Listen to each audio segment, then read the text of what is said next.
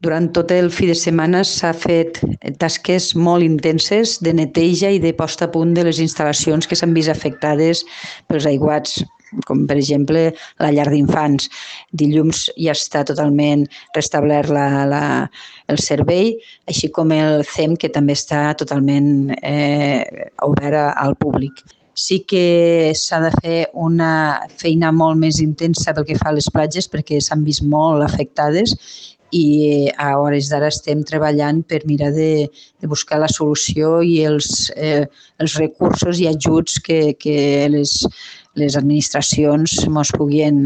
eh, proporcionar.